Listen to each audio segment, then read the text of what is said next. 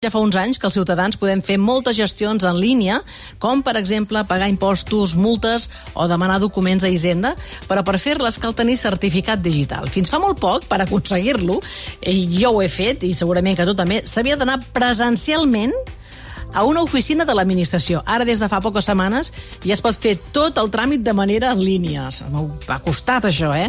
S'han de pagar 2 euros amb 99 cèntims, però es pot fer des de casa. Marta Cristià, hola. Hola, Mariola.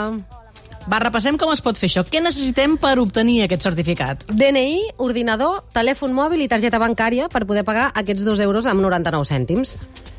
Quins passos hem de seguir? Mira, el primer que hem de fer és entrar al web oficial de la Fàbrica Nacional de Moneda i Timbre des de l'ordinador per descarregar el programa amb què generaran les claus del certificat. Quan està instal·lat aquest programa, s'ha d'obrir i prema Inicia sol·licitud i introduir dades personals com nom, cognoms, DNI, correu electrònic. Quan hem posat les nostres dades, marquem Envia petició i apareix una nova pàgina on crea una contrasenya. Automàticament, a l'obrir-se aquesta nova pàgina, es rep un correu de la Fàbrica de Moneda i Timbre amb les instruccions per confirmar la nostra identitat mitjançant un codi, mitjançant un codi, això de la doble autentificació, a què ja estem molt acostumats, perquè no hi hagi problemes de seguretat. Un cop acabada aquesta part, diguem, arriba la novetat, perquè fins aquí és el mateix que vas fer tu abans d'anar a una oficina de l'administració. Però ara, quan s'acaba aquesta part del procés, pots triar en agafar el teu codi i anar-te'n amb el DNI a una administració o seguir en línia pagant, això sí, 2 euros amb 99 cèntims. Va, com segueix aquest procés si es vol acabar de manera telemàtica pagant quasi 3 euros? Mira, haurem de premer el botó accedeix des d'aquí del correu que ens ha arribat i se'ns tornarà a demanar una sèrie de dades, també el codi que se'ns ha enviat. I rebrem una videotrucada per comprovar de nou la nostra ah. identitat. Clar, aquí comencen uh, ja l'autentificació la, la, amb imatge. Un cop fet això, mm. es començarà a operar també des del mòbil. Per això dèiem que necessitàvem l'ordinador i el mòbil. Al mòbil ens arribarà un codi que haurem d'introduir en una de les caselles del formulari que tenim obert obert a l'ordinador. I a través de la càmera del mòbil haurem de mostrar les dues cares del DNI. El sistema examinarà el document i verificarà la seva autenticitat. I a continuació, també des del mòbil, es realitzarà el reconeixement mitjançant biometria facial. Ens haurem de posar davant de la càmera i fer alguns moviments que ens demana el mòbil per demostrar que la nostra cara es correspon amb la foto del DNI i que som una persona real, no una fotografia o no una màscara 3D o altres tècniques de falsificació que es poden utilitzar. I això es fa amb un sistema que s'anomena prova de vida. Això és el que nosaltres hem de fer. Aquí acaba la nostra feina, posar-nos davant del mòbil i uh, verificar que la nostra cara és la nostra cara, diguem. Un cop acabat aquest procés, un agent de l'administració examinarà totes les evidències que hem enviat per comprovar que no hi ha cap engany o error abans d'expedir el certificat. I una vegada validada la informació, que és un procés que no acostuma a trigar més de dos dies, rebrem un correu electrònic per descarregar-nos el certificat digital i ja poder-lo guardar al nostre ordinador per començar a utilitzar-lo. Doncs bé, gràcies Marta. Per fi l'administració pensa que es pot fer una cosa així i certificar i que no es faci picaresca. Però bé, a veure què diu el nostre advocat de capçalera. Um, retrobem el Víctor Rosselló, que sabeu que és advocat especialitzat en temes digitals. Hola, Víctor, com estàs? Hola, Mariola, què tal, com esteu? Bé, tu sempre has estat especialitzat en drets digitals. No sé si això arriba realment tard. Estàs patint que es pugui fer en línia i amb aquesta càmera? O tu ets els que dius com jo, ja era hora?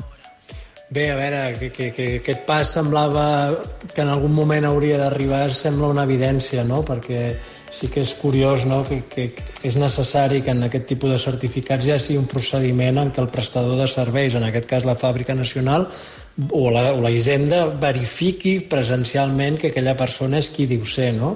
Clar, l'aplicació d'aquesta tecnologia permet suplir aquesta necessitat d'anar físicament a l'administració, que és el que s'ha vingut fent fins ara des de fa molts anys, no? Per tant, bé, benvingut sigui, diguéssim, i esperem que això doncs, eh, d'alguna forma eh, pugui substituir entre cometes el fracàs del DNI electrònic no? que, que ha sigut eh, que tothom té DNI electrònic però realment ningú l'utilitza no? llavors eh, per aquesta finalitat vull dir. llavors bé, a veure si això serveix una mica perquè la gent entengui les, les virtuts d'aquesta certificació i es pugui fer un ús eh, doncs molt més extens sobretot a nivell de persona física no? Uh -huh. Però està passant una mica com el que passa ja en els bancs.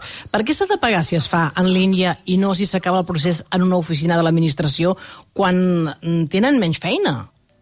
Sí, entenc que suposo que això els deu suposar, segur que estan aplicant algun sistema de biometria que, que evidentment fins ara no havien d'aplicar i aquest sobrecost entenc que el repercuteixen al ciutadà, no? Llavors, bé, eh, evidentment s'han d'utilitzar doncs, proveïdors extras o, o tecnologies addicionals que, fin, que amb el sistema actual no són necessàries i per tant entenc que és la justificació de, de traslladar aquesta taxa eh, al, al ciutadà, no? Bé, és un, és un cost, diguéssim, diguéssim, reduït uh -huh. eh, si és que hi ha alguna impossibilitat d'anar físicament o pel motiu que sigui amb alguna, a l'administració fer aquest últim pas, no? I la pregunta clau, que ho ha d'aclarir tot, i per això hem trucat un advocat per saber això, què és exactament el certificat digital? És a dir, quines són les gestions més habituals per les quals el fem servir? Tu l'utilitzes molt amb els teus clients? Sí, a veure, el certificat digital amb aquest nivell de, de, de certificació que estem parlant eh, té el mateix efecte jurídic que una firma manuscrita, és a dir, una cosa molt important de cara a l'usuari que tingui aquest certificat digital és assegurar-se molt bé que és l'única persona amb accés a aquest certificat, perquè si algú obtingués l'ús d'aquest certificat podria firmar documents en nom seu i serien igualment vinculats que si fos una firma manuscrita. Es podrien fer eh, tràmits davant de l'administració pública com si fos aquella persona. Per tant, les virtuts són moltes, es pot, com tu deies al principi, accedir, fer tràmits amb l'administració, es poden signar contractes, es poden firmar... Eh, jo, per exemple, utilitzo molt a nivell de pressupostos amb clients i, per tant, té moltes virtuts, però també s'ha de ser conscient conscient de que eh, hem d'estar molt segurs de que som l'únic que fem aquest ús, igual que fem amb la firma manuscrita, no?